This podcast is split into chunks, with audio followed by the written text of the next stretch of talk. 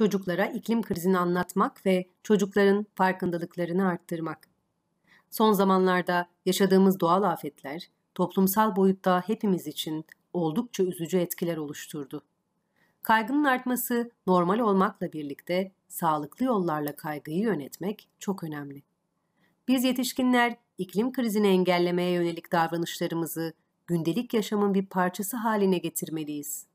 Böylelikle çocuklarımızın bunu modelleyip içselleştirmesini sağlayabiliriz.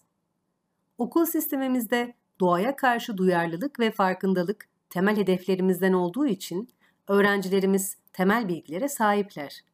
Sizlerin de doğal afetlerin olumsuz etkilerinin büyük ölçüde kontrol edilebilir olduğuna odaklanmanız, çocukların güvende hissetmelerini destekleyecektir.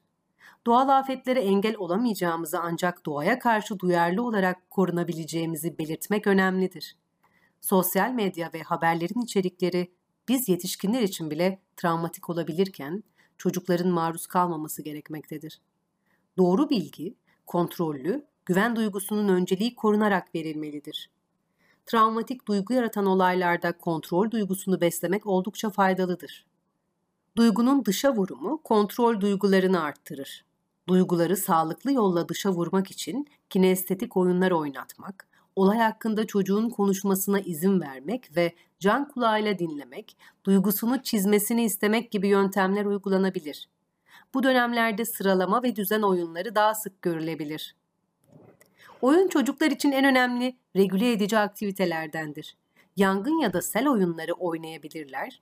Bu oyunlar duygularını çözmelerine yardımcı olacaktır. İklim krizini çocuklara nasıl anlatacağımızı belirleyen en önemli kriter çocuğun yaşıdır. Yaş küçüldükçe daha kısa ve somut anlatımlar gerekir. Yaş büyüdükçe ve soyut düşünme becerisi arttıkça çocuğunuzla birlikte araştırmalar yapabilir. Konuyla ilgili daha derin düşünmesi için onu teşvik edebilirsiniz. Konuyla ilgili açıklamalar yapmadan önce çocuğunuzun ne bildiğini öğrenmeye çalışmak ve onu dinlemek önemlidir. Bu durum çocuğunuzun kaygıları ya da kafa karışıklığı varsa tespit ederek o konuyla ilgili çalışmanızı sağlayacaktır. Çocuklara aşırı bilgi vermek çok korkmalarına sebep olabilmektedir. Bu nedenle olabildiğince yalın bir anlatıma başvurmanızı öneririz. Çocukların bu konu hakkında yeterli bilgiye sahip olduğunu düşünseniz bile konuyu aile toplantısında değerlendirmeniz, küresel iklim krizinin ve ekosistemin korunmasının oldukça önemli ve konuşmaya değer olduğu mesajını verecektir.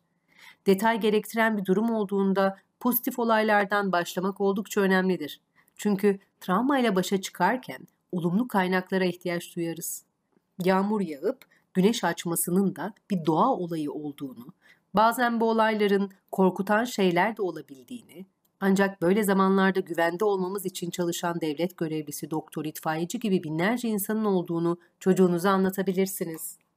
Çocukların ümidini beslemek için iklim değişikliğine karşı mücadelenize örnekler verebilirsiniz güneş panelleri, geri dönüşüm, ağaç dikme kampanyaları, gereksiz ışıkların kapatılması gibi örnekler ve çözüm fikirlerini konuşarak ve uygulayarak motivasyonlarını artırabilirsiniz.